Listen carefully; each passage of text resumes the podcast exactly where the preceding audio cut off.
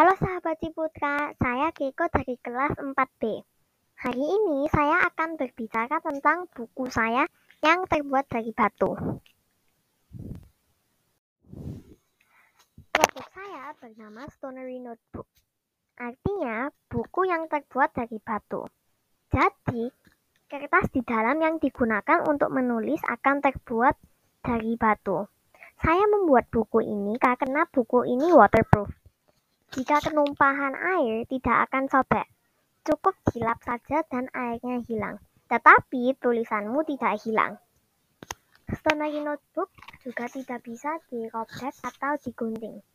Kalian juga tahu produk ini juga lebih ramah lingkungan karena kita tidak perlu lagi memotong pohon sebagai bahan pembuat kertas.